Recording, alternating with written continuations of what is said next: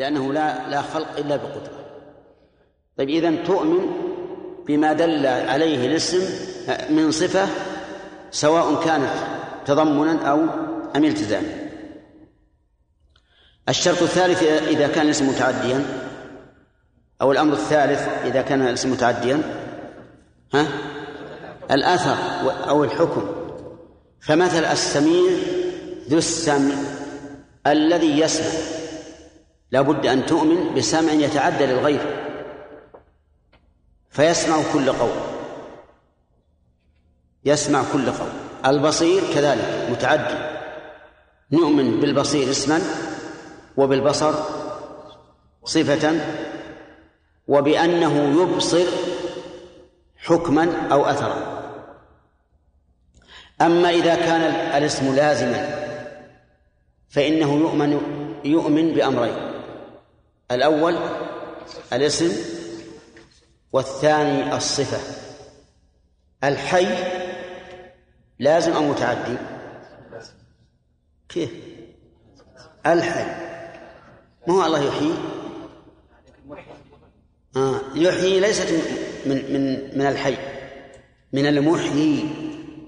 الحي وصف لازم أو الحياة وصف لازم لا يتعدى. لغير الله. فالحي إذن اسم من الأسماء اللازمة فتؤمن بالحي اسم من أسماء الله وتؤمن بالصفة التي دل عليها الحي وهي الحياة. طيب إذن إذا آمنا بهذا إذا آمنا بهذا خالفنا كل أهل التعطيل. خالفنا من لا يصف الله من لا يسمي الله باسم ولا يصف بصفة وهؤلاء غلاة الجهمية. وخالفنا من يؤمن بأن لله أسماء ولكن لا صفات له. مثل المعتزلة. وخالفنا من يقول له أسماء وصفات لكن لا ليس لها حكم. ما يتعدى لأنه لو تعدى إلى الغير لزم قيام الحوادث به. إذ أن المسموع حادث أو أو أزلي. حادث. فإذا تعلق السمع بحادث صار السمع حادثا حدوث المسموع. فلزم قيام الحوادث به. إذن قل هو سميع له سمع لكن لا يسمع به. لئلا تقوم به الحوادث. فإذا أتينا على هذه الشروط الثلاثة الإيمان بالاسم اثنين بما يتضمنه من صفة ثلاثة بالأثر أو الحكم صح إيماننا بالأسماء. أما السميع والبصير فقد سبق لنا معناهما. وذكرنا أن السميع يدل على السمع وأن سمع الله تعالى نوعان. سمع بمعنى الإجابة مثل قوله تعالى إن ربي لسميع الدعاء.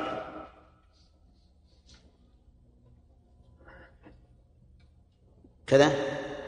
وهل السمع يأتي بمعنى الاستجابة في اللغة العربية؟ ها؟ الدليل. ها؟ ولو, ولو سمعوا؟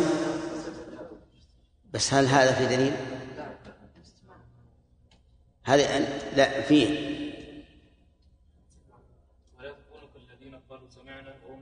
نعم. ولا تكونوا كالذين قالوا سمعنا وهم لا يسمعون أي لا يستجيبون. ومنه قول المصلي وأنتم كل يوم تصلون على الأقل سبعة عشر ركعة وتقولون سمع الله لمن حمده. وش معناها؟ استجاب. ليس المعنى أنه مجرد سماع لمن حمده لأن هذا لا يفيد شيئا لكن معناها استجاب. هذا سمع بمعنى الاستجابة الثاني سمع بمعنى إدراك المسموع سمع بمعنى إدراك المسموع وهذا ينقسم إلى ثلاثة أقسام. الأول ما يراد به التهديد والثاني ما يراد به التأييد والثالث ما يراد به بيان شمول سمع الله. يعني سمع الإحاطة.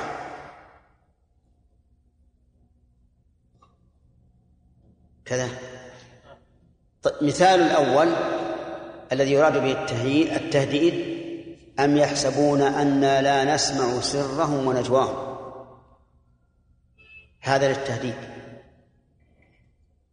ولهذا قال بلى ورسلنا لديهم يكتبون.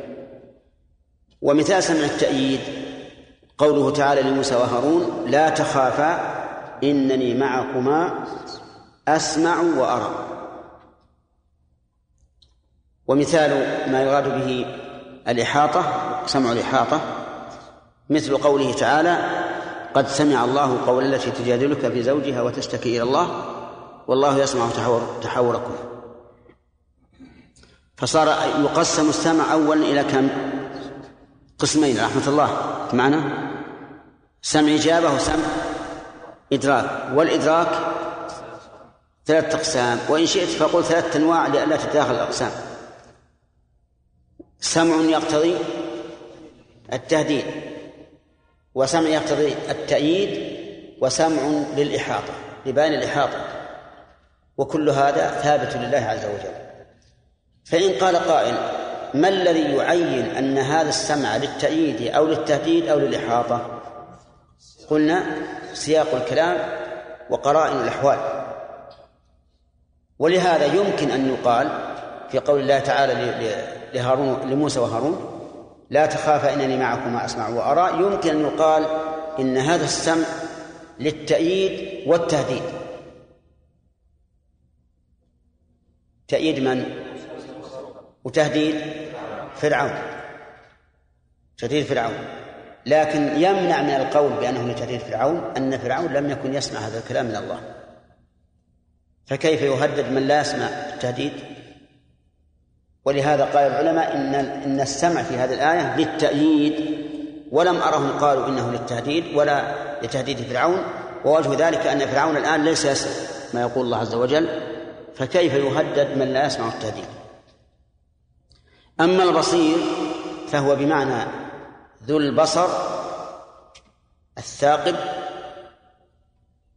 الذي لا يغيب عن نظره شيء. لا يغيب عن نظره شيء عز وجل. أي حركة وأي فعل فإن الله تعالى يبصره.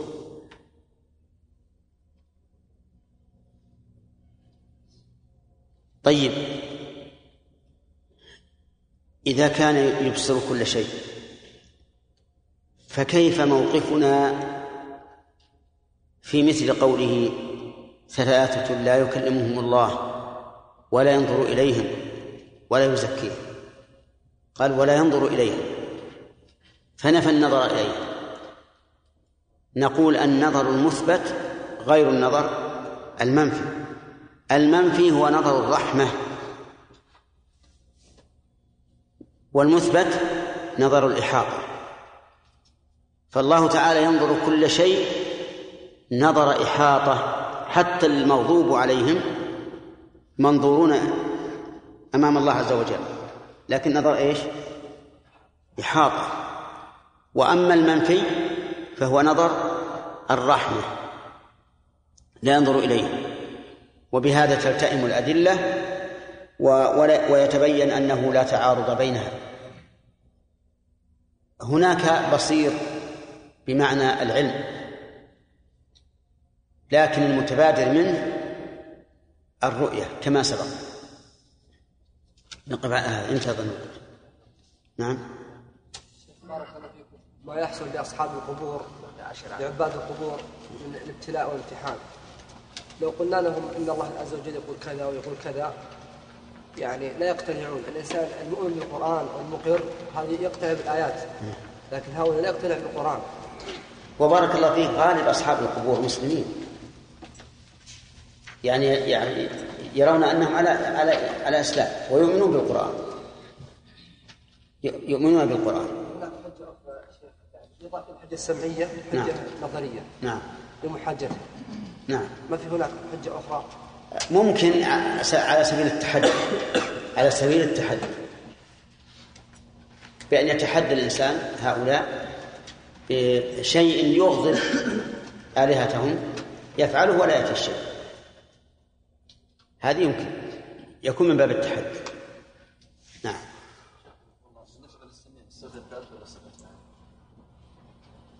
السميع صفة ذات لكن الذي يحدث المسموع. أما السمع فلم يزل الله ولا يزال سميعا. لا يتعلق بمشيئته. وإذا أردت أن أن تعرف الفرق فإن كان يمكن أن يتخلى الله عن هذه هذه الصفة فهي صفة فعل. وإذا كان لا يمكن فهي صفة ذات. ومعلوم أنه لا يمكن أن يتخلى الله عز وجل عن عن صفة السمع فيكون أصم. فإن الله منزه عن ذلك. لكن الذي يحدث هو المسموع. نظر الرحمة. هل هو نفس رحمة الله عز وجل؟ أم يقصد بها يعني ما المقصود بالنظر؟ المقصود أن الله ينظر إليه نظرا يرحمه به. مهم هي بنفس الرحمة. ولهذا تفرق الآن بين النظر إلى ولدك الذي أرضاك والنظر إلى ولدك الذي أغضبك. ولدك الذي أرضاك تنظر إليه نظرا باردا وهو يشعر بأن عينك آه، قد قرت به قرت من القر وليس من القرار من القر وهو البرودة. ولهذا أقر الله عينك أي أي بردها. ما منها قرها سكنها حتى لا تتحرك. طيب. الولد الذي قدرت عليه إذا نظرت إليه كيف تكون عينك؟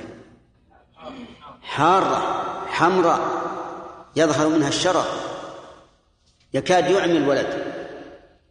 أليس كذلك يا أبا الحسن؟ نعم. ولا سيما من أمثالك الظاهر. طيب عبد الله.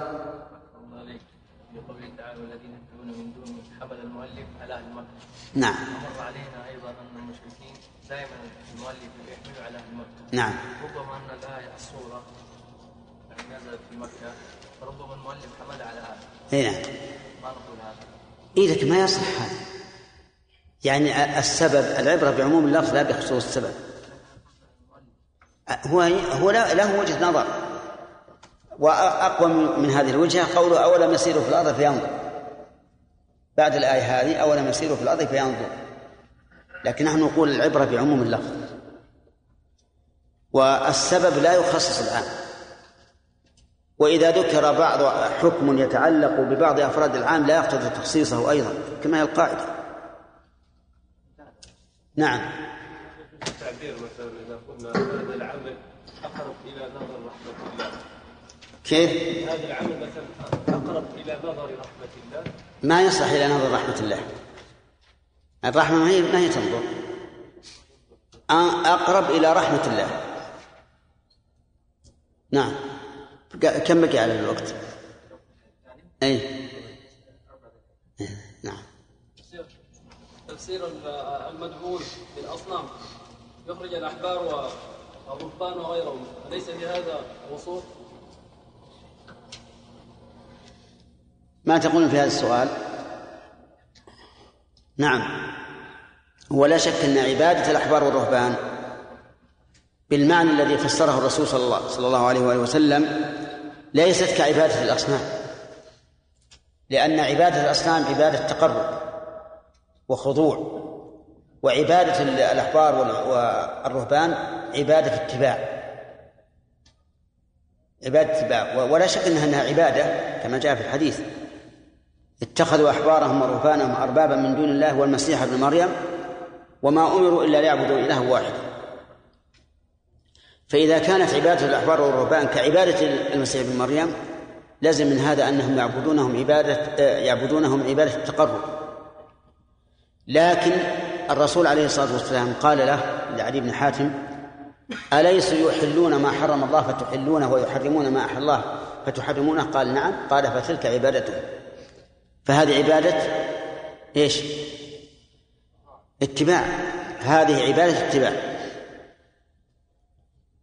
فهمت؟ وغالب عبادة المشركين عبادة تقرب وتعظيم. نعم. لا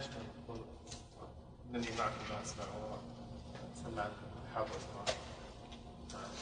نعم هي هي هي السمع هنا سمع إحاطة لكنه يراد به النصر والتأييد لأن مجرد الإحاطة حتى فرعون يسمعه الله عز وجل. نعم إيش؟ ما هي احسن كتب وصفات؟ والله الكتب متعددة ومختلفة في المنهج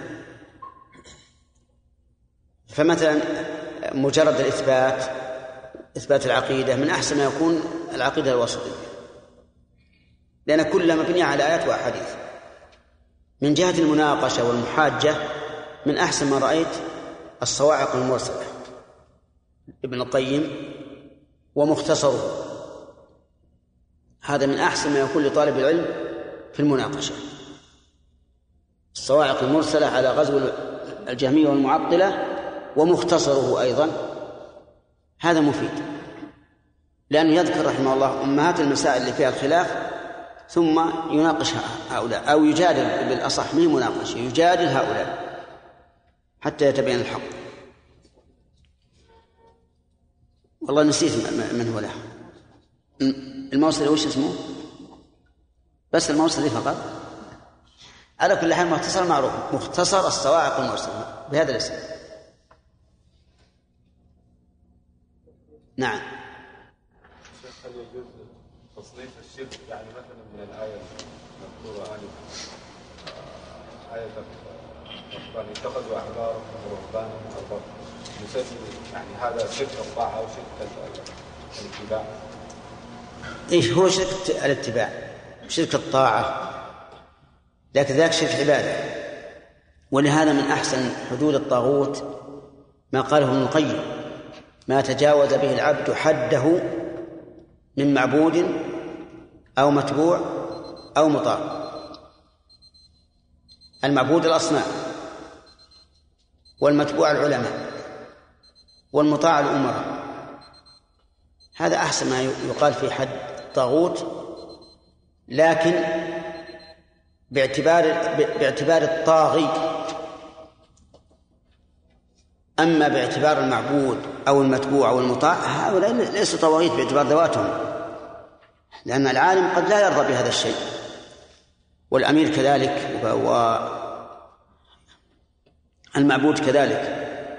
لكن باعتبار الفاعل هي طواغيت. باعتبار الفاعل يعني أنه طغى فيها هي محل طغيانه. معنى كونها طواغيت أنها محل طغيانه وليست هي طاغية. فعيسى بن مريم عليه الصلاة والسلام معبود. هل نقول إنه طاغوت؟ لا لكنه محل طغيان الذين عبدوه. انتبهوا لهذه النقطة لأن بعض الناس استشكل كلام ابن القيم. وقال كيف يقول هذا الكلام إذن مع عيسى طاغوت لأنه معبود. فيقال مراد رحمه الله أن محل الطغيان يكون في المعبود والمتبوع والمطاع. اليوم ما شاء الله أتخمتم من الأسئلة.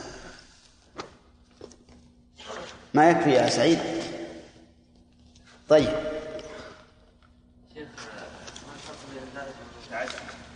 إيه.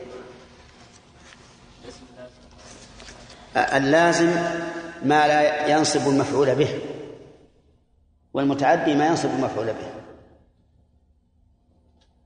سمع تنصب المفعول به ولا لا؟ ها؟ حي عظم.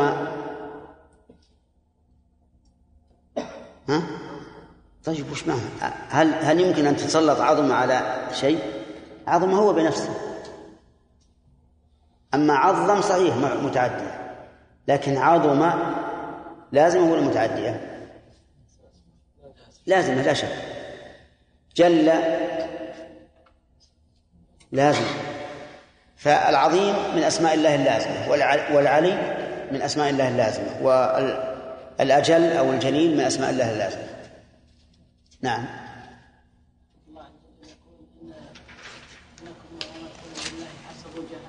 نعم. كيف سيدنا عيسى عبد وغيره من الصالحين نعم. اقرأ. أنت تحفظ القرآن أنت؟ تحفظ القرآن. ها؟ طيب. إنكم وما تعبدون من دون الله حسب جهنم أنتم لها واردون. لو كان هؤلاء آلهة ما وردوها وكل فيها خالدون لهم فيها زفير وهم فيها لا يسمعون. إن الذين سبقت لهم منا الحسنى أولئك عنها مبعدون وعيسى؟ ممن سبقت له الحسنى. عرفت؟ ولهذا ضرب الكفار عيسى مثلا وقالوا لما نزلت الآية إنكم وما تعبدون من دون الله حسب جهنم قالوا إذن عيسى في النار. جدلا فأنزل الله تعالى إن الذين سبقت لهم منا الحسنى أولئك عنها مبعدون. مثل قوله أآلهتنا خير أم هو؟ قال الله تعالى ما ضربوه لك إلا جدلا بل هم قوم خصمون. وأبغض الرجال إلى الله الألد الخصم. نعم. أعوذ بالله من الشيطان الرجيم. أولم يسيروا في الأرض فينظروا كيف كان عاقبة الذين كانوا من قبلهم. كانوا هم أشد منهم قوة وآثارا في الأرض فأخذهم الله فأخذهم الله بذنوبهم وما كان لهم من الله من واق. ذلك بأنهم كانت تأتيهم رسلهم بالبينات فكفروا فكفروا فأخذهم الله. إنه قوي شديد العقاب. ولقد أرسلنا موسى بآياتنا وسلطان مبين. إلى فرعون وهامان وقارون فقالوا فقالوا ساحر كذاب. فلما جاءهم بالحق من عندنا قالوا اقتلوا قالوا اقتلوا أبناء الذين آمنوا معه واستحيوا نساءهم. وما كيد الكافرين إلا في ضلال. أعوذ بالله من الشيطان الرجيم. قال الله تبارك وتعالى أولم يسيروا في الأرض فينظروا كيف كان عاقبة الذين كانوا من قبلهم. ما سبق أخذنا فوائده كاملة. قال الله تبارك وتعالى أولم يسيروا في الأرض. وهذا النظم موجود في القرآن كثيرا. أن تأتي أداة الاستفهام وبعدها حرف العطف ثم الجملة. وقد اختلف المعربون في كيفية إعراب هذا النظم وهذا التركيب. فقال بعضهم إن التقدير وألم يسيروا في الأرض. وألم يسيروا في الأرض. فتكون الواو عاطفة على ما سبق. وتكون الهمزة داخلة على جملتها. مصدرة الجملة بها. وهذا القول لا يحتاج إلى تقدير. لكنه يرد عليه أن الهمزة متقدمة على حرف العطف فأجابوا عن ذلك بأن الهمزة مقدمة وقالوا إن تقديمها في مثل هذا سائر والقول الثاني للمعربين أن الهمزة معطوفة على أن الهمزة داخلة على شيء مقدر وأن حرف العطف عاطف على ذلك المقدر. رحمك الله. وحينئذ نحتاج إلى تعيين ذلك المقدر ولا يعينه إلا السياق. فيقدر ذلك المحذوف بحسب ما يقتضيه السياق. فمثلا يقال أولم يسيروا؟ أفرطوا ولم يسيروا. أفرطوا ولم يسيروا في الأرض. أو أغفلوا ولم يسيروا في الأرض. أو ما يؤدي إلى هذا المعنى. وقوله ولم يسيروا في الأرض؟ هل المراد سير القلوب بالنظر والتأمل والتفكر أو المراد سير الأقدام حتى يقف الإنسان على ما حصل للأمم السابقة بعيني رأسه؟ نعم. كلاهما. كلاهما فمن لم يتيسر له أن أن يسير بقدمه فليسر بقلبه. ولكن ما طريق سيره بقلبه؟ طريق سيره بقلبه أن يقرأ تاريخ الأمم السابقة. وحينئذ بأي شيء يثبت هذا التاريخ؟ يثبت هذا التاريخ بطريقين فقط. الطريق الأول القرآن والطريق الثاني السنة الصحيحة عن رسول الله صلى الله عليه وآله وسلم. فإن الله سبحانه وتعالى قال في من سبق والذين من قبلهم لا يعلمهم إلا الله لا يعلمهم إلا الله. وإذا كان لا يعلمهم إلا الله فإن مصدر التلقي لأخبارهم من عند الله أو من رسوله صلى الله عليه وآله وسلم. أما ما حدثت به بنو إسرائيل عمن سبق فهذا ينقسم إلى ثلاثة أقسام. القسم الأول ما شهد شرعنا به أو ما شهد القرآن والسنة به فهذا مقبول. لا لأنه خبر بني إسرائيل ولكن لأن القرآن والسنة شهدت بصدق. الثاني ما شهد القرآن والسنة بكذبه فهذا مرفوض. ولا يجوز التحدث به إلا إذا أراد الإنسان بيان كذبه وبطلانه. القسم الثالث ما لم يشهد الوحي بصدقه ولا كذبه أي ما ليس في القرآن ولا في السنة تصديقه ولا تكذيبه فهذا قال فيه النبي صلى الله عليه وآله وسلم حدثوا عن بني إسرائيل ولا حرج. فيكون من الكلام الذي يباح نقله لكن لا فائدة منه فلا يشتغل به عما هو أهم منه. وبهذا نعرف كيف نسير بقلوبنا في أخبار ما سبق. فصارت مصدر التلقي في أخبار من سبق المصدر الأساسي الأكيد هو الكتاب والسنة. وأما ما وقع من أخبار بني إسرائيل فعرفتم أنه على ثلاثة أقسام. وقوله أولم يسيروا في الأرض قال بعض المعربين إن في هنا بمعنى على. لأنه لا يمكن السير في جوف الأرض. بناء على أن في للظرفية والظرف محيط بالمظروف. كما إذا قلت الماء في الإناء فإن الإناء محيط به والماء في جوفه. ولكن ربما يقول قائل إن هذا غير متعين. لأن المراد في الأرض أي في مناكب الأرض.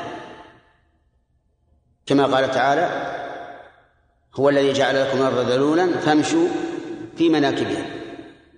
وتكون الظرفية هنا ظرفية الأجواء أي في جو الأرض في أجواء الأرض.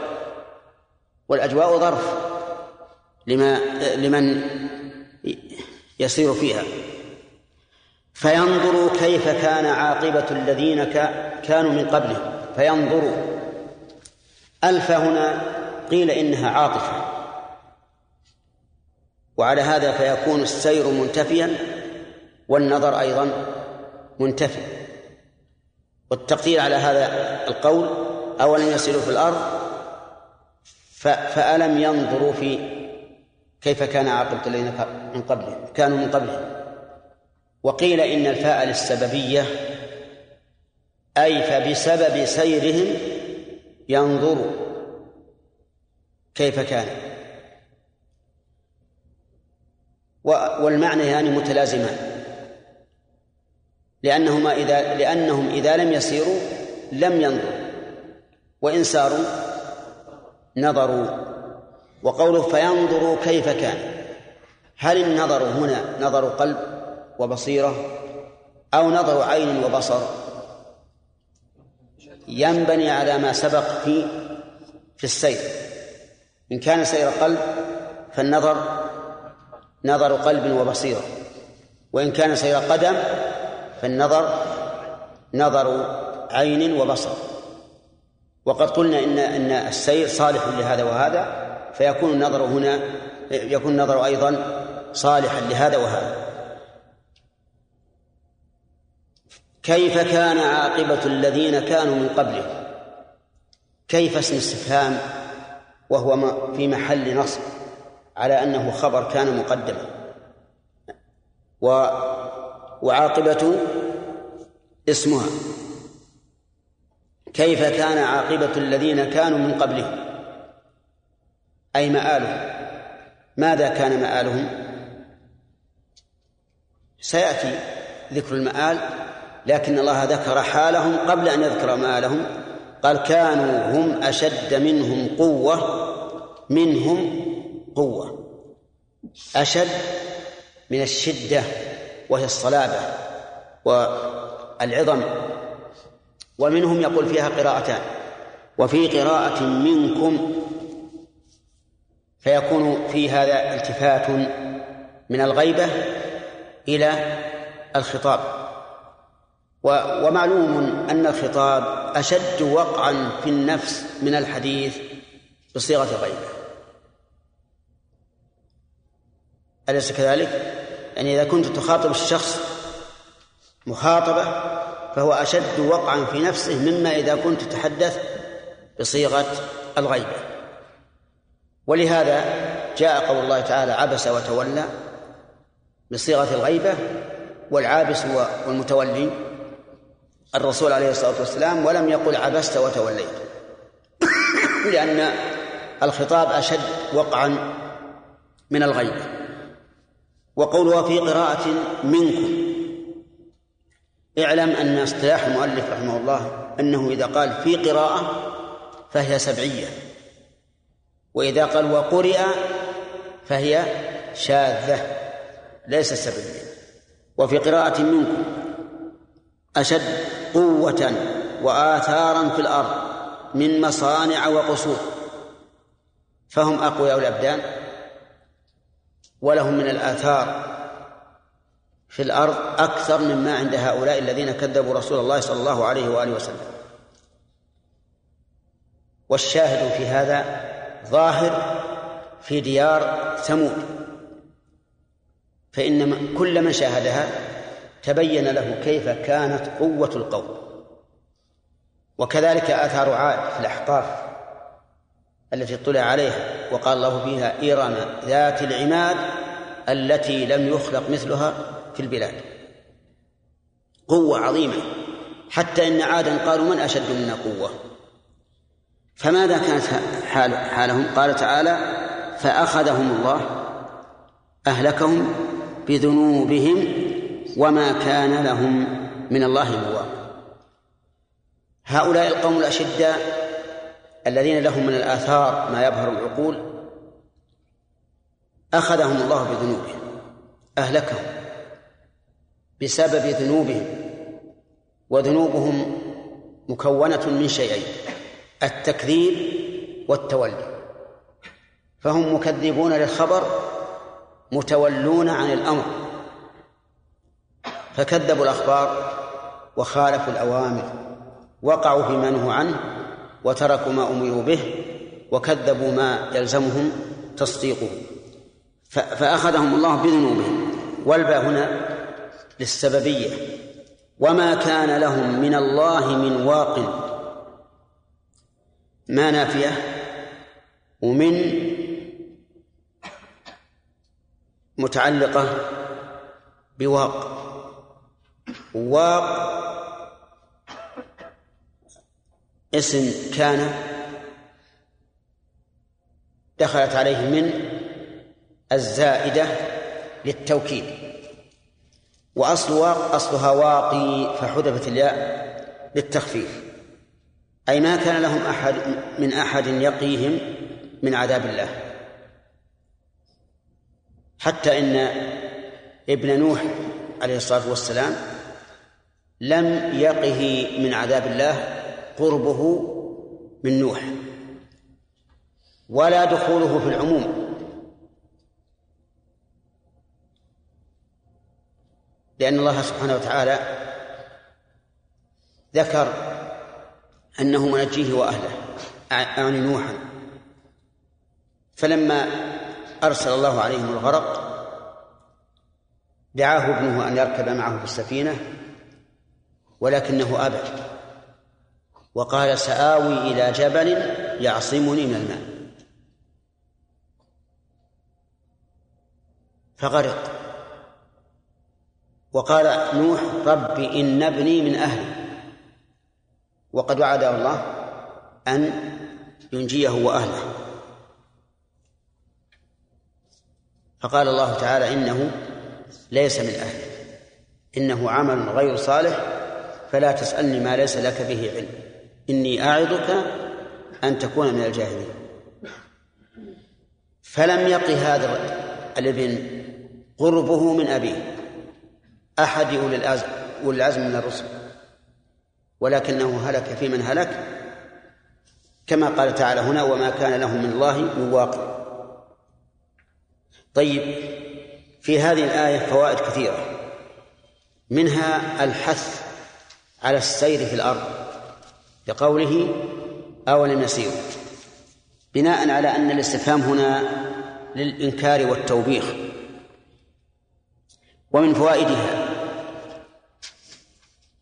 أين أن السير في الأرض في أرض المكذبين وبيان ما أحل الله به من النكال إذا كان على سبيل العبرة فلا بأس به.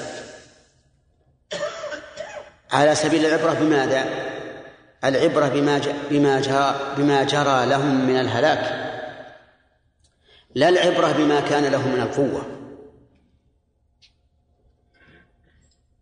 وبناء على ذلك نعرف أن الذين يذهبون الآن إلى ديار ثمود للاطلاع على قوتهم والاعتبار بصنعتهم على خطأ عظيم. لأنهم لم يسيروا في الأرض السير الذي أمر الله به بل ساروا في الأرض السير الذي نهى عنه رسول الله صلى الله عليه وآله وسلم. فقد قال النبي عليه الصلاة والسلام لا تدخلوا على هؤلاء المعذبين إلا وأنتم باكون أن يصيبكم ما أصابهم فإن لم تكونوا باكين فلا تدخلوا عليهم. فمن الذي يذهب الآن إلى دير ثمود؟ يقف يشاهد آثارهم وهو نعم وهو يبكي. لا أحد إلا من هداه الله عز وجل وتبين له الحق وإلا فإنهم يذهبون يتفرجون. والعجب أن بعض الجهال منا يرون أن هذا من الآثار المحترمة. فيقال سبحان الله الآثار المحترمة أيها الجهال هي الكتاب والسنة. آثار الوحي. أما آثار المكذبين للرسل فليست محترمة. ثم هل هي آثار آبائكم وأجدادكم؟ آثار قوم فنوا وأعقبهم أناس ثم أناس ثم قرون كثيرة. لكن هذا من الجهل والتقليد الأعمى. الذي يجعل القوم يتعلقون بالآثار المادية دون الآثار المعنوية. ومن فوائد هذه الآية الكريمة أن عاقبة الذين كانوا من قبلهم عاقبة سيئة لقوله كيف كان عاقبة الذين كانوا من قبلهم إلى قوله فأخذهم الله. ومن فوائده أن هؤلاء الذين كانوا من قبلهم كانوا أشد منهم قوة في الأبدان وقوة في الصناعة وقوة في الآثار ومع هذا لم تمنعهم قوتهم هذه من أخذ الله لهم. ومن فوائد هذه الآية الكريمة أن الله سبحانه وتعالى أن قوة الله سبحانه وتعالى فوق كل قوة. فإنه قال كانوا أشد منهم قوة ومع ذلك أخذهم الله عز وجل. ذلك لأن الله تعالى إذا أراد شيئا قال له كن يكون لا يحتاج أن يأتي بأحد يساعده ولا يحتاج إلى صنع قنابل أو مدافع. لا كن فيكون. انظروا إلى عاد افتخروا بقوتهم فأهلكهم الله تعالى بألطف الأشياء. سخر عليهم الريح ولم يسخرها لهم بل سخرها عليهم وهي الريح من ألطف الأشياء. فدمرته. تدمر كل شيء بأمر ربها فأصبحوا لا يرى إلا مساكنهم. حتى كانوا كأعجاز نخل خاوية. يقولون إن الريح تحمل الواحد منهم حتى يكون في عنان السماء. ثم ترده إلى الأرض فينقلب منحنيا كأنه عجز نخل خاوية. وأعجاز النخيل إذا رأيتموها تجدون أن النخلة قد قالت هكذا تقوست. هؤلاء الذين كانوا أشد أقوياء يقفون على أقدامهم أصبحوا كأنهم أعجاز نخل خاوية والآية الثانية كأنهم أعجاز نخل منقعر فرعون قال لقومه يا قوم أليس لي ملك مصر؟ وهذه الأنهار تجري من تحتي أفلا تبصرون؟ بماذا أهلكه الله؟ أهلكه الله بأن أخرجه من مصر الذي التي كان يفتخر بها باختياره. خرج مختارا بل خرج وكأنه غانم كأنه رابح في المعركة. ثم أهلكه الله بجنس ما يفتخر به. بماذا؟ بالماء. أهلكه الله بالماء. ليتبين أن القوة قوة الله سبحانه وتعالى. وأن الله أشد من هؤلاء قوة. نعم نكمل الفوائد يقول آه، من فوائد الآية الكريمة أن الله تعالى إذا أراد بقوم سوءا فلا مرد له. لقوله وما كان لهم من الله من واق. وقد بين الله ذلك صريحا في قوله إن الله لا يغير ما بقوم حتى يغيروا ما بأنفسهم وإذا أراد الله بقوم سوءا فلا مرد له. لا يقي دون دون ما أراد الله لا قصور ولا مدافع ولا طائرات ولا أي شيء. وما لهم وما لهم وما كان لهم من الله من واقع ومن فوائد ذلك ومن فوائد الآية الكريمة وهي التي بعدها إثبات الأسباب وأنه لا يجني جان إلا على نفسه. من أين تؤخذ؟ من قوله ذلك بأنهم إلى آخره. وقد تقدم لنا شرح هذه المسألة أعني مسألة الأسباب وتأثيرها واختلاف الناس فيها. وبينا أن أعدل الأقوال وأصح الأقوال أن الأسباب إيش؟ لها تأثير مباشر لكن ليس تأثيرا ذاتيا بنفسها ولكن بما أودع الله تعالى فيها من القوى المؤثرة. ومن فوائد الآية الكريمة إثبات عدل الله عز وجل وأنه لا يؤاخذ أحدا بدون ذنب. لقوله ذلك بأنهم كانت تأتيهم رسلهم بالبينات. ومن فوائد الآية الكريمة أنه ما من أمة خلت إلا وقد جاءتها رسلها. لقوله كانت تأتيهم رسلهم بالبينات. ها؟ لا. إلى وين؟ ها؟ بس. طيب. على كل حال هذه المسألة لابد أن نتمها. كل أمة جاءها نذير جاء وجاءها رسول أنذرها وبين لها. وقد أقر وقد أقرت هذه الأمم بذلك. قال الله تبارك وتعالى في سورة الملك كلما ألقي فيها أي في النار فوج سألهم خزنتها ألم يأتكم نذير؟ قالوا بلى قد جاءنا نذير فكذبنا وقلنا ما نزل الله من شيء إن أنتم إلا في ضلال كبير. ثم قالوا لو كنا نسمع أو نعقل ما كنا في أصحاب السعير فاعترفوا بذنبهم وقال تعالى وإن من أمة إلا خلا فيها نذير.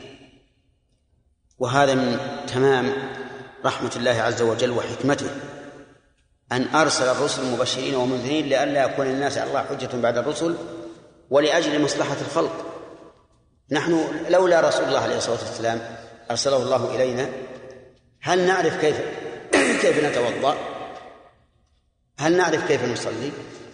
ما نعرف لكن من رحمة الله عز وجل أن أرسل إلينا رسولا علمنا كيف نتوضأ كيف نصلي ثم ما الذي يترتب على على هذا الوضوء والصلاة؟ مغفرة الذنوب إذا توضأ الإنسان فإن خطاياه تخرج مع آخر قطرة من قطر الماء وإذا صلى فالصلوات الخمس مكفرات مما بينهن. وإذا توضأ في بيته وأسبغ الوضوء وخرج إلى المسجد لا يخرج إلى الصلاة لم يخطو خطوة واحدة إلا رفع الله له بها درجة وحط عنه بها خطيئة. أحصي خطواتك من بيتك إلى المسجد في اليوم والليلة خمس مرات. كثير. كل هذا من فضل الله عز وجل. ولولا أن الله هدانا هداية إرشاد ونسأل الله تعالى أن يتممها بهداية التوفيق لولا ذلك لهلكنا ولم نعرف كيف نعبد الله. فهذا من رحمة الله عز وجل أنه أرسل الرسل إلى الأمم ليبينوا لهم وإذا قلتم إننا لم نصل إلى هذه الآية فأنتم مصدقون ونجعلها غدا إن شاء الله. نعم. نوشان. شيخ الله. هل الإنسان مأجور على خطواته إذا جاء إلى المسجد وإذا عاد منه؟ أي نعم. أما إذا جاء إلى المسجد فقد سمعت نعم. وأما إذا رجع ففي قصة صاحب الحمار الذي كان بعيدا من المسجد فقيل له ألا تشتري حمارا تركبه؟ فقال يا رسول الله إني أحتسب ممشاي إلى المسجد ورجوعي منه. فقال لك ما احتسبت. فإذا احتسب الإنسان هذا فله ما احتسبه. لكن يا إخواني أنا أقول لكم إنه يفوتنا كثيرا الاحتساب. ولا لا؟ كثيرا يفوتنا. نصلي نريد أن نؤدي الصلاة اللي علينا فقط. لكن لا نشعر بأننا نحتسب أجرها وأننا سنجد أجر هذه الصلاة أو أجر هذا الوضوء أو أجر هذه الخطى. هذه تفوتنا كثيرا. والاحتساب له أثره لا من جهة الثواب ولا من جهة أنه أنه يحث المرء على العمل. لأن الإنسان إذا عمل أنه إذا عمل جوزي يزداد عملا لكن إذا عمل على أنه فرض عليه يؤديه فقط صار كالذي يقضي الدين عن نفسه فيعطيه الدائن. فلذلك أنا أحث نفسي وإياكم على هذه المسألة. مسألة الاحتساب. وش معنى الاحتساب؟ أنه يريد بعمله الأجر والثواب. قال الله تعالى محمد رسول الله والذين معه أشداء على الكفار رحماء بينهم تراهم ركعا سجدا. إيش؟ اسمع الاحتساب. يبتغون فضلا من الله ورضوانه. يحتسب الأجر من الله عز وجل ونسأل الله أن يذكرنا ذلك ويعين عليه. نعم. شيخ العبرة الإنسان إذا دخل في مكان. إذا؟ إذا القوم الذين أهلكوا شيخ. يعني هل كل قوم أهلكوا شيخ؟ أم الكفار كذلك الذين لم يأتيهم عذاب مثلا؟ هل لا لا. المراد الذين أهلكوا. إي نعم. إيش؟ مدائن صالح فهو على خطر عظيم. ولكن لو قال قائل أنا لا أتأثر بالقرآن ولكن أتأثر بمشاهده هذه الأقوام السابقة لاخذ العبرة والعبرة. هذه صار ذهب ليأخذ العبرة. والإنسان يذهب ليأخذ العبرة لا شك أنه سيتأثر. لكن أكثر الناس أو كثير من الناس الآن يذهبون ليعتبروا بما عندهم من القوة لا بأخذ الله لهم. نعم.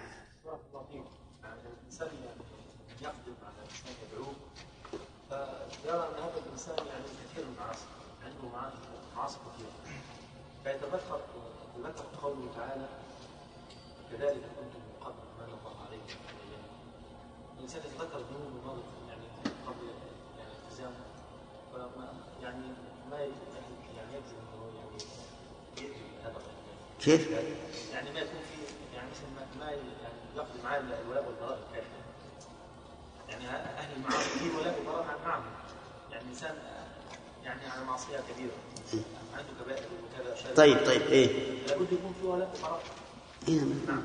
نعم ما يعني الايه هذه تمنع تمنع الإنسان يعني ان هو يكمل هذا الوجه. إنه إيش؟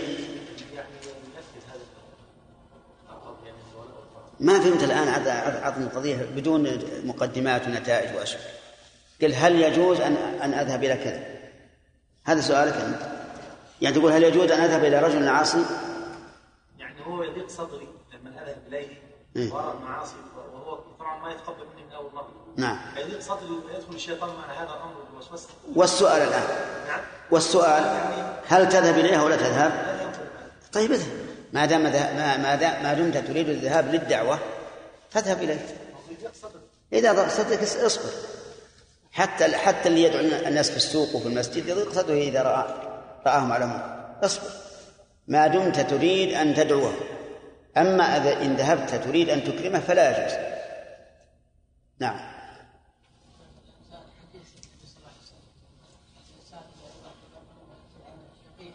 نعم.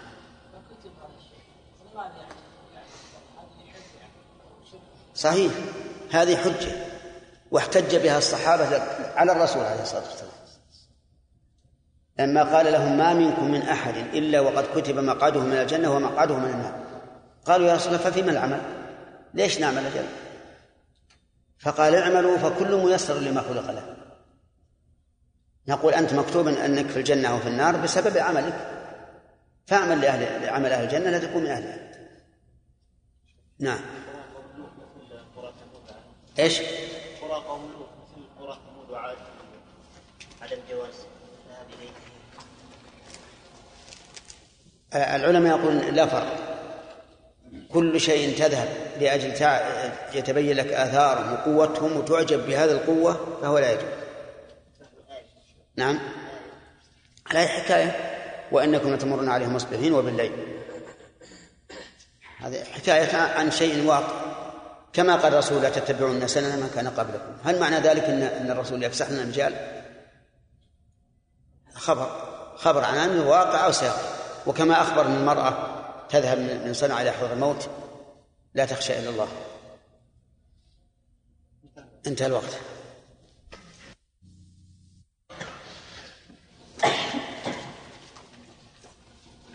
أعوذ بالله من الشيطان الرجيم. ذلك بأنهم كانت تأتيهم رسلهم بالبينات فكفروا فأخذهم الله. إن الله قوي شديد العقاب. إنه قوي شديد العقاب. ولقد أرسلنا موسى بآياتنا وسلطان مبين إلى فرعون وهامان وقارون فقالوا ساحر كذاب. أعوذ بالله من الشيطان الرجيم. قال الله تبارك وتعالى ذلك بأنهم كانت تأتيهم رسلهم بالبينات. ذلك المشار إليه أخذ الله تعالى إياهم بذنوبهم.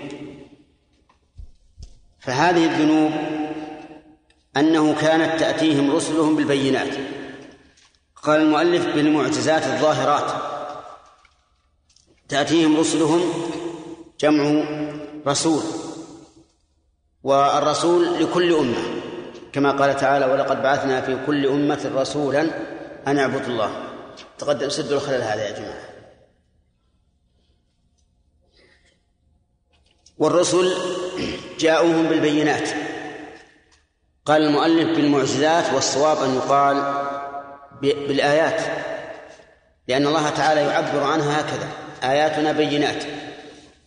والمراد بالآيات ما يؤمن على مثله البشر وهي نوعان حسية ومعنوية وخلقية وخلقية.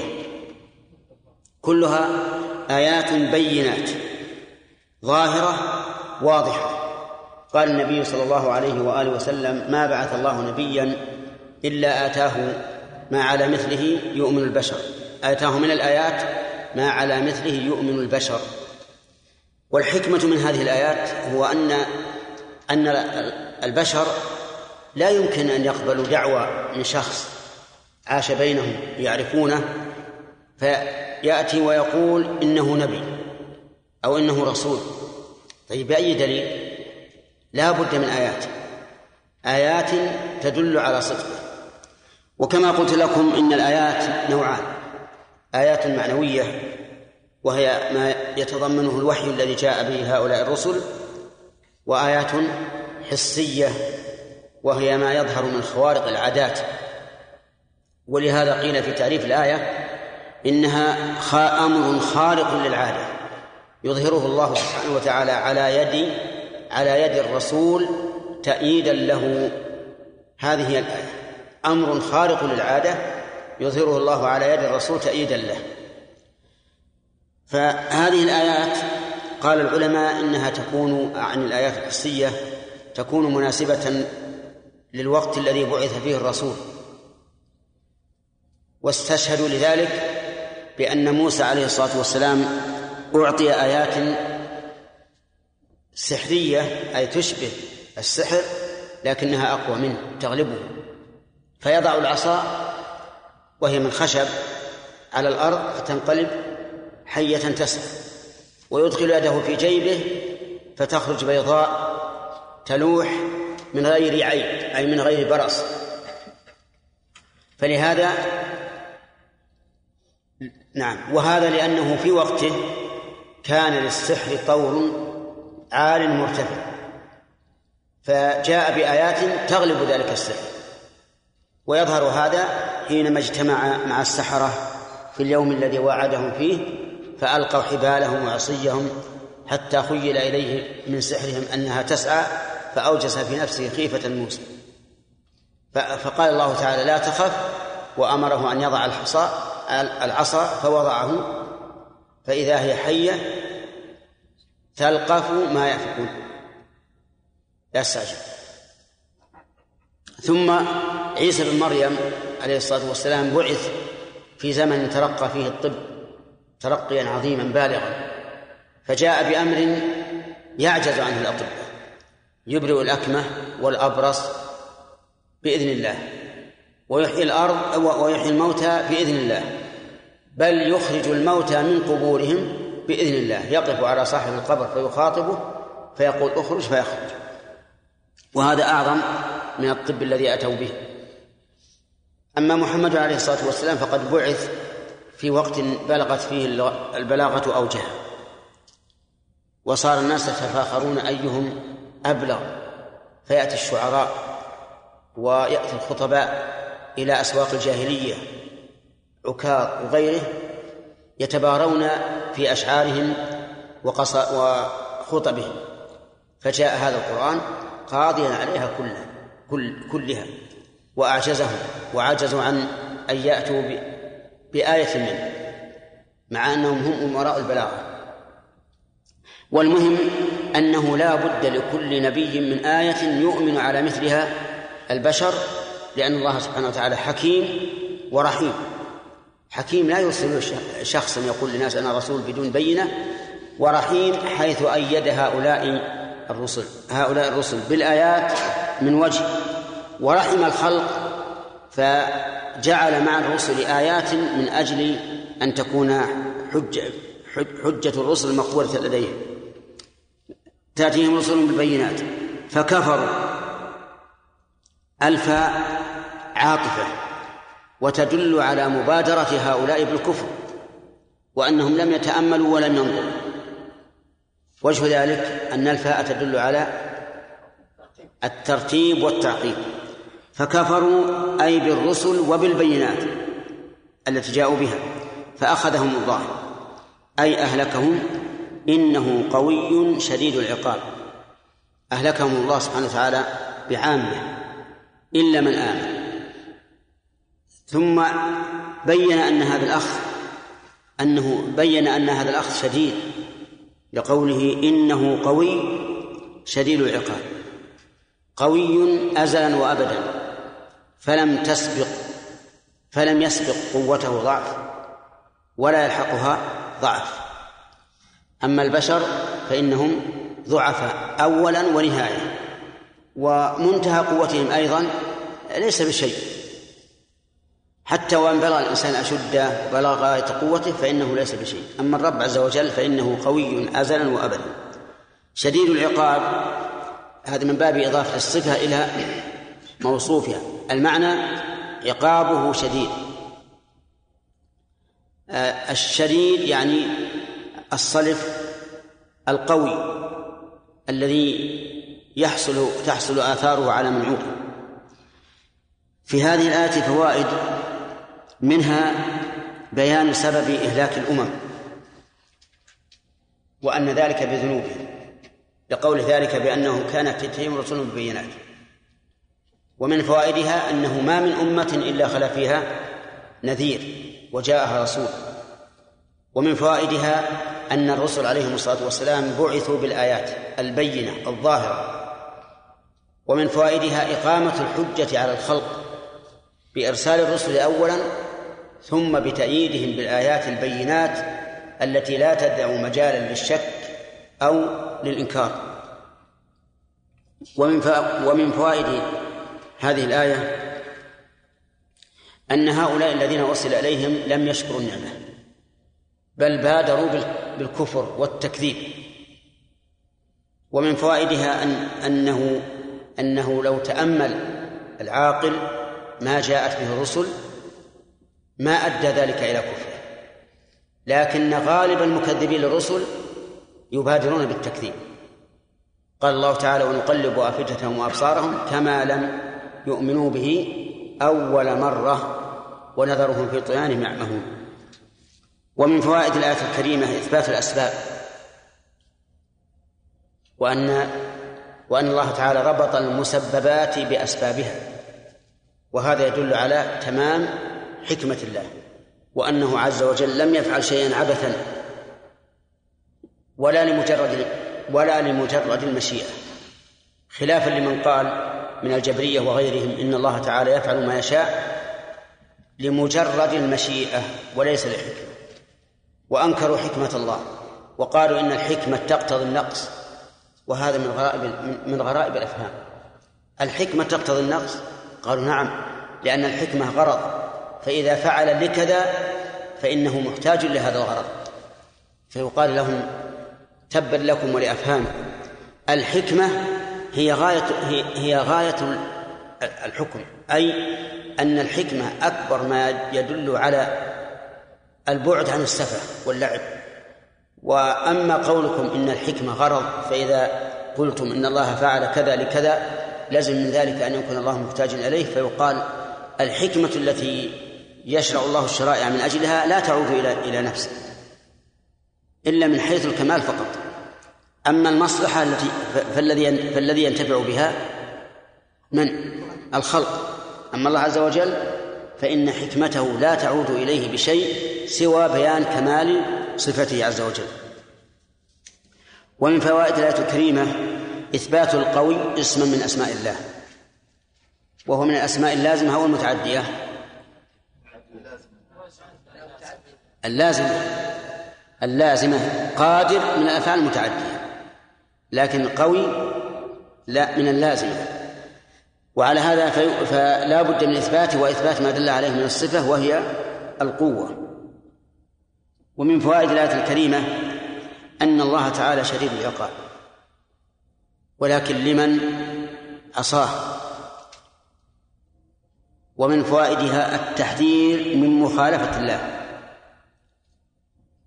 لأنه قوي وشديد العقاب. فيا ويح من خالف أمر ربه.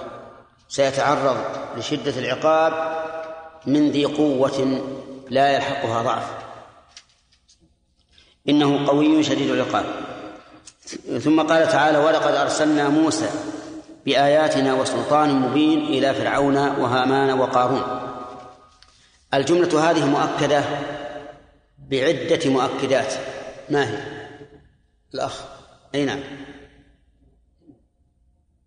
ولقد أرسلنا موسى. ما فيها إن ها؟ بلقد ما يستقيم.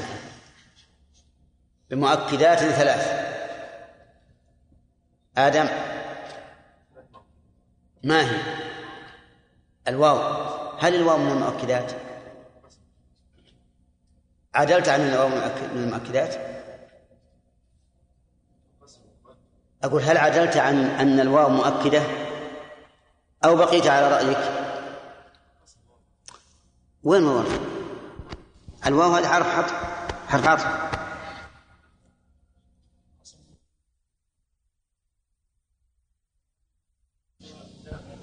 واللام؟ وقد. الصيغة تأتي كثيرا في القرآن. لقد لقد فيقال كما قيل أن هذه جملة مؤكدة بثلاث مؤكدات. واللام في جوابه وقد ولقد أرسلنا موسى وسلطان مبين. موسى هو ابن عمران أفضل أنبياء بني إسرائيل وأعظمهم وأشدهم وهو من أشد الأنبياء وأقواهم ويدلك على على ذلك ما فعله قبل قبل النبوة وما فعله بعد النبوة. فقبل النبوة مر برجل من قومه يخاصم رجلا من من عدوه فوكزه موسى. وهذا يدل على قوته وشدته. وبعد النبوة لما رجع ورأى أنهم أشركوا بالله غضب غضبا شديدا. فألقى الألواح. الألواح التي كتب الله بها التوراة. ألقاها قال بعضهم فتكسرت.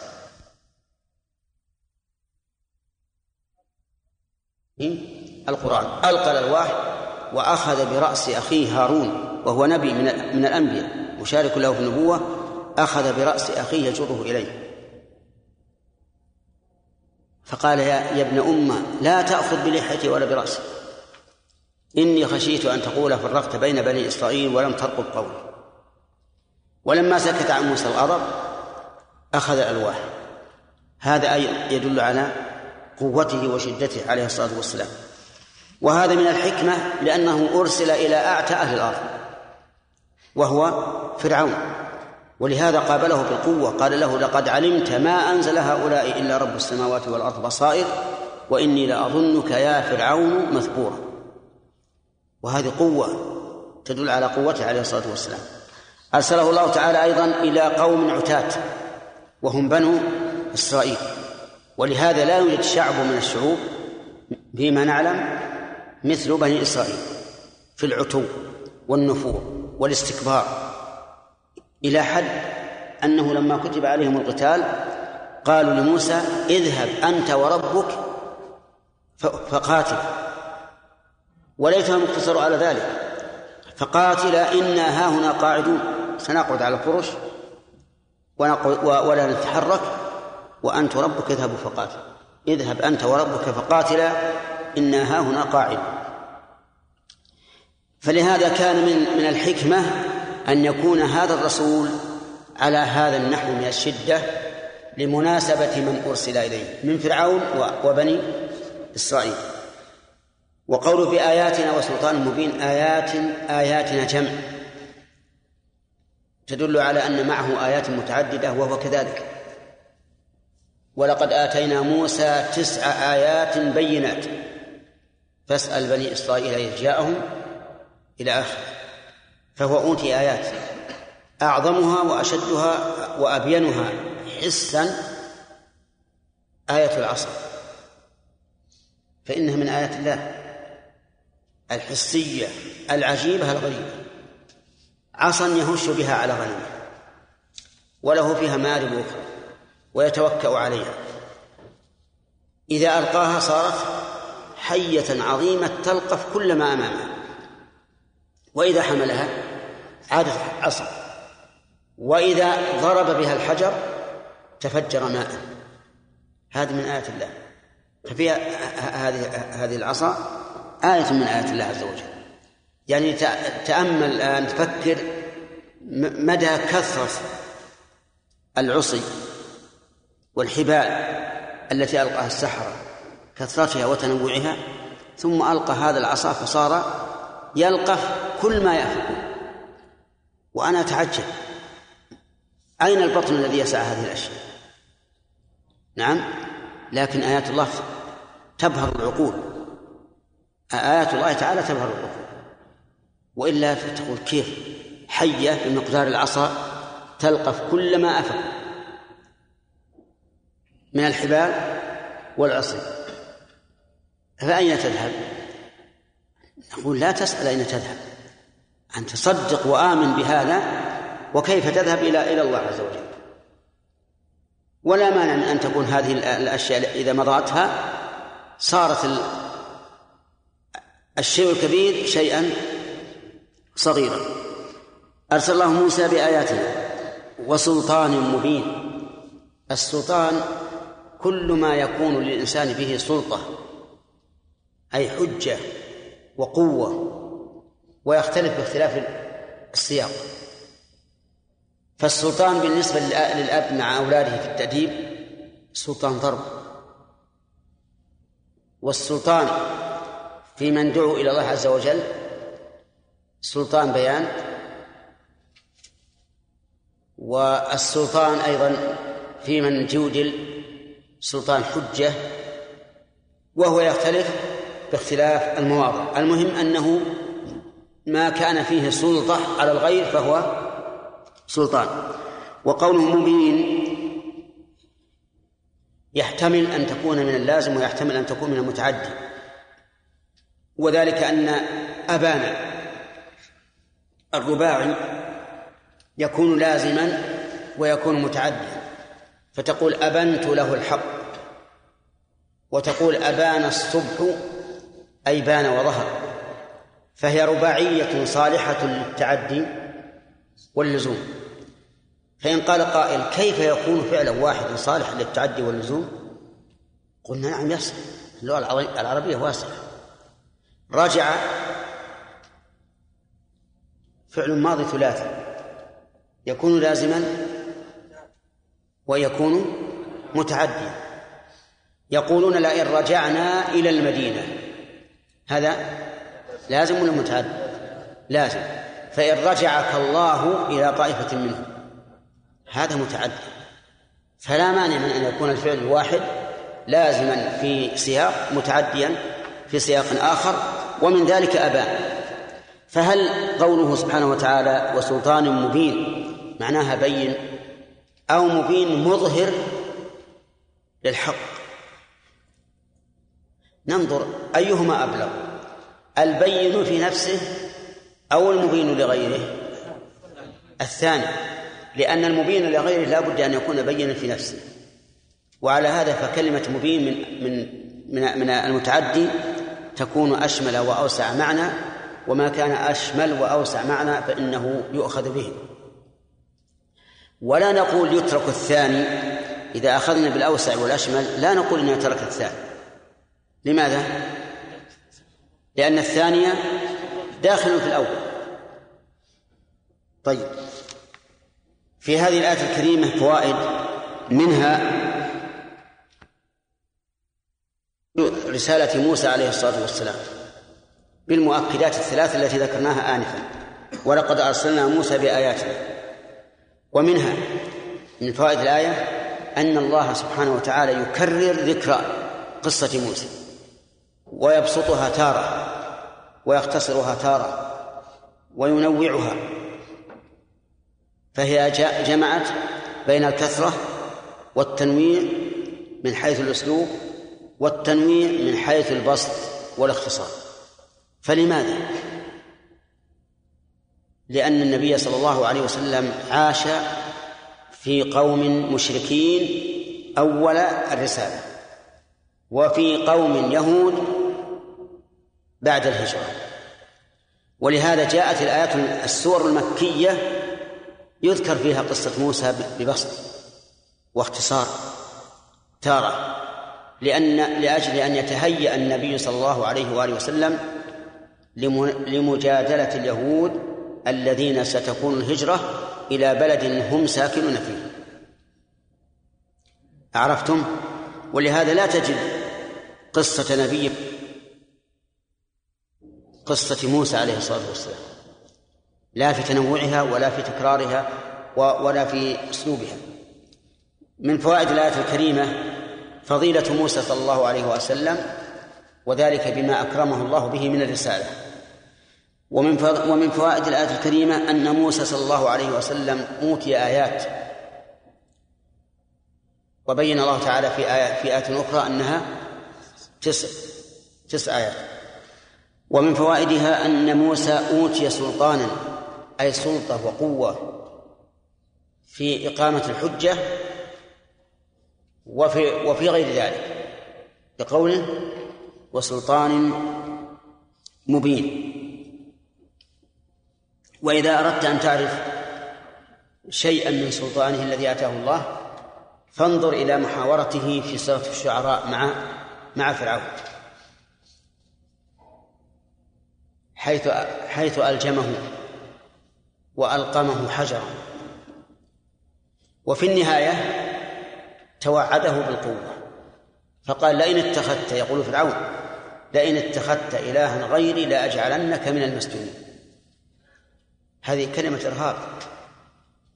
لأجعلنك من المسجونين أشد إرهابا من مما لو قال لأسجننك. لأنه كأنه يقول عندي أناس سجن كثيرين كثيرون. وأنا قادر على سجنهم وسأجعلك من بينه. فيكون هذا أشد في الإرهاب مما لو قال لأسجننك ومن فوائد هذه الآية الكريمة ما أشرنا إليه في الآية التي قبلها أنه ما من رسول أرسل إلا وأوتي إيش؟ آيات بينات تدل على صدقه وهذا من حكمة الله ومن رحمة الله. ويأتي إن شاء الله بقية كلام على القصة. نعم. نبي الله هارون. أرسل مع موسى هل رسول ولا نبي؟ لا رسول. إيه ألم ألم يقول لفرعون إنا رسولا رب العالمين؟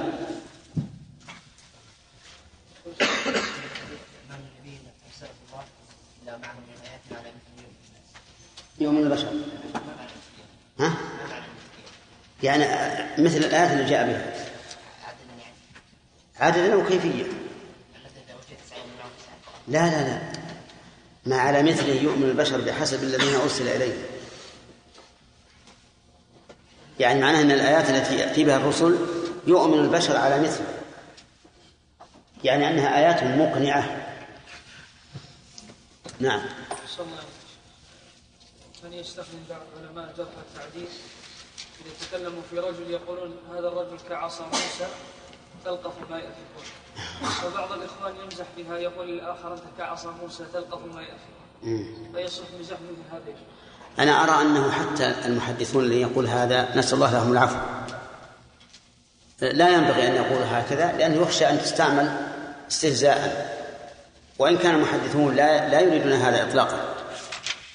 فالأولى أن يقال هذا الرجل مثل آية وهذا الرجل واسع الاطلاع هذا الرجل واسع العلم وما أشبه. ذلك حقا يا شيخ نفس كلام كذلك يقولون فلان يملك عصا موسى السحرية نعم. أي هذا أيضا لا يجوز هذا أشد. لأن قول عصا موسى السحرية يعني أن أن ما جاء به سحر وهذا خطير هذا. نعم. ما هو الدليل هذا؟ أن الله يحاسب الناس بنصف يوم. أولا أحاديث وردت في هذا والثاني قوله تعالى أصحاب الجنة يومئذ خير مستقرا وأحسن مقيلا. قال يومئذ خير مستقرا وأحسن مقيلا والمقيل لا يكون إلا في نصف النهار. بطرف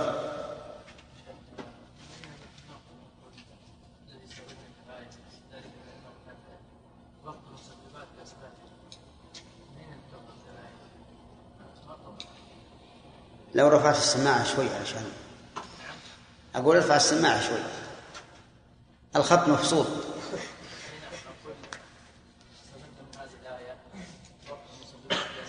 اي نعم. أي. الب السببية. ما هي السببية؟ شيخ بارك الله فيكم. ما هو الفرق بين الأفعال اللازمة أنه يتعدى بحرف الجر ولا تتعدى بحرف أي. يقولون ما تعدى بنفسه فهو متعدى. وما لم يتعدى إلا بحرف جر فهو لازم. يعني الذي ينصب المفعول به هو المتعدي فهمت؟ وبعضهم أيضا قال في علامة ثانية هو العلامات منها هذه ومنها أنه يصح منه صوغ اسم المفعول. المتعدي وهذاك لا يصح منه صوغ اسم المفعول إلا بمتعلق إلا بمتعلق.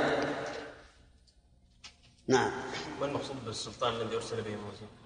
هم قلنا قوة الحجة السلطان في كل موضع بحسب.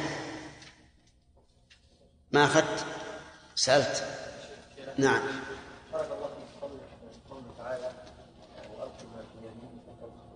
تلقف تلقف بسكون الفاء. نعم.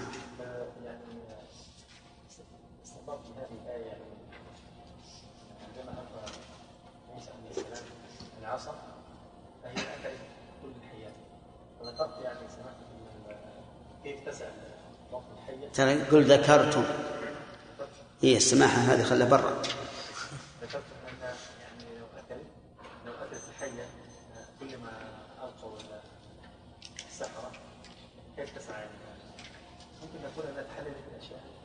تحللت؟ لا لا. قوله تعالى وهي بالذباب يعني اذا اخذ العلماء آه، تحليلات الاشياء يعني إذا أخذ شيء من الطعام فإنه لن يستطيع سبحان الله يعني لن يستطيع أحد أن يأخذه. يعني الذبابه لما تأخذ شيء يتحلل أنا قلت يعني لا لا. هو على كل حال إذا إذا دخل في همها ما- لا بد أن يتحلل بسرعة. لكن على مرأى الناس يرونها تلقف تأكل. ما تأكل لكن يتحلل ما يستطيع. يعني ما ما تفشل يمكن ما ندري أنا ذكرنا هذا. قلنا يمكن. نعم قول الذين قالوا أن القرآن به غير موضع يقول الله عصا موسى وكذا إيش؟ قول الله عصا موسى أه، الله إيش؟ الله مثل قول قحطان الاندلسي يقول الله سيرني عصا موسى لكم كي يتلقى ثعبان إيه. يعني هذا من باب المشابهة من باب التشبيه. هذا الفرق بين هذه وبين ما, ما ذكره أبو الحسن. هذا يقول كأنني عصا موسى يلقف آه، حججكم الضعيفة والباطلة. نعم.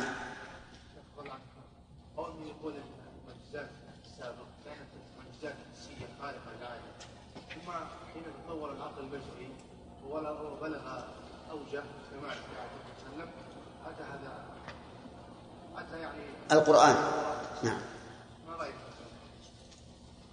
هذا ربما نقول هكذا صحيح. لا لكن الرسول عليه الصلاة والسلام محمد أتى بمعجزات حسية وأتى بمعجزات معنوية. له معجزات حسية عظيمة انشقاق القمر معجزة نبع الماء من بين أصابعه مج- معجزة آه، فوران الماء من البئر التي نضب ماؤها لما مج فيها شيئا من من من فمه. كذلك مع- معجزات حسية. ها؟ ما هو بعيد ان ان أكمل الناس عقولا هم هذه الأمة كما أخبر الرسول أن أن الله أكمل به الأخلاق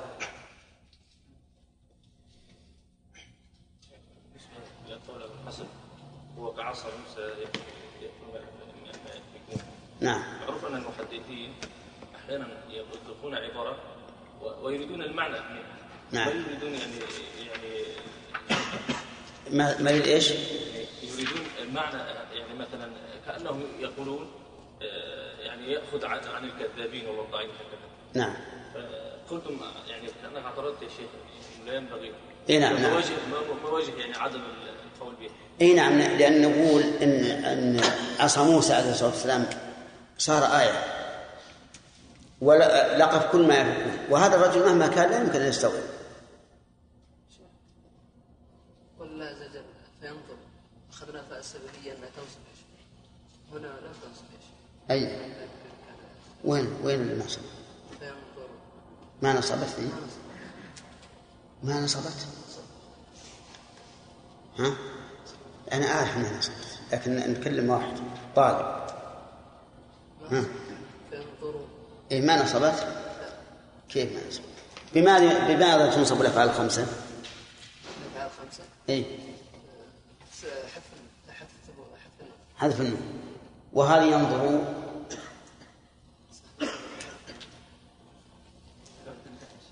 يلا أعوذ بالله من الشيطان الرجيم. ولقد أرسلنا موسى بآياتنا وسلطان مبين إلى فرعون وهامان وقارون فقالوا ساحر كذاب.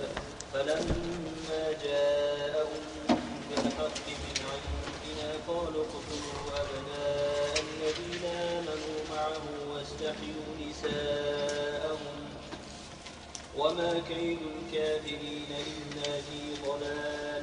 بس. أعوذ بالله من الشيطان الرجيم. قال الله تبارك وتعالى ولقد أرسلنا موسى بآياتنا وسلطان مبين. ما هي الآيات التي أرسل بها موسى؟ طرفي. كم آية؟ تسع آيات. نعم. آه، ألبى في قوله بآياتنا عقيل ما معناها؟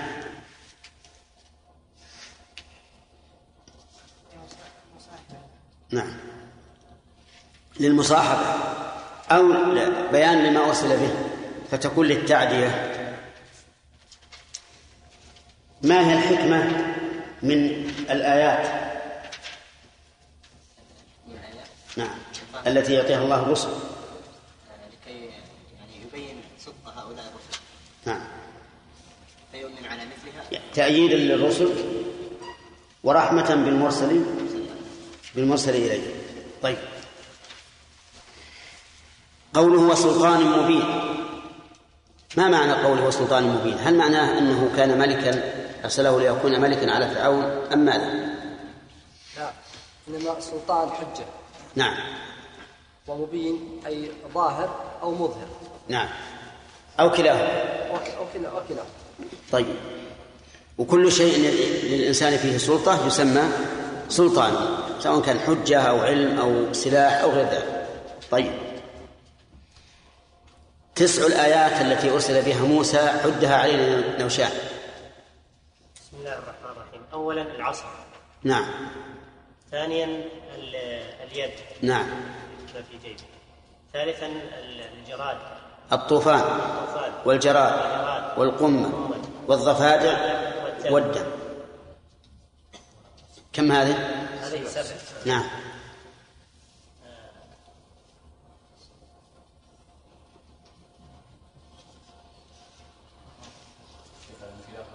انفلاق البحر. ثمان. نقص الثمرات. السنين ونقص من الثمرات. طيب. وبعضهم قال ضرب العصا آه، ضرب الحجر بالعصا فيتفجر. طيب. والله في احتمال في الواقع أما أما لبني إسرائيل فيدخل فلق الحب ال- البحر وكذلك انفجار الماء من من الحجر. لكن هذه السنتين ليست لآل فرعون. آل فرعون السنين ونقص من الثمرة بالإضافة إلى السبع السابقة. قال الله تعالى نأخذ آه، نبدأ من الآن. قال فرع... إلى فرعون متعلق بأرسلنا ها؟ أي فوائد كيف؟ إيه، آه، أصبر. إلى فرعون ما يخالف إلى فرعون هذه متعلق بأرسلنا وفرعون هو حاكم مصر الذي ملكها وسلط على على بني إسرائيل فكان يقتل أبناءهم ويستحيي نساءهم. قيل إنه كان يفعل ذلك من أجل أنه قيل له أو قال له بعض الكهنة إنه سيكون في بني إسرائيل رجل يكون زوال ملكك على يده. هذا قول. وقول آخر إنه فعل ذلك إذلالا لهم وإهانة لأنه إذا قتل الرجال وبقي النساء هلكت الأمة. وهذا القول أقوى. وذلك لأن القول الأول معتمده النقل عن بني إسرائيل ومعلوم أن النقل عن بني إسرائيل لا يصدق ولا يكذب. والمعنى المعقول لكونه يذبح أبناءهم ويستحيي نساءهم هو إذلال هذا الشعب وهو قلة بالنسبة للأقباط.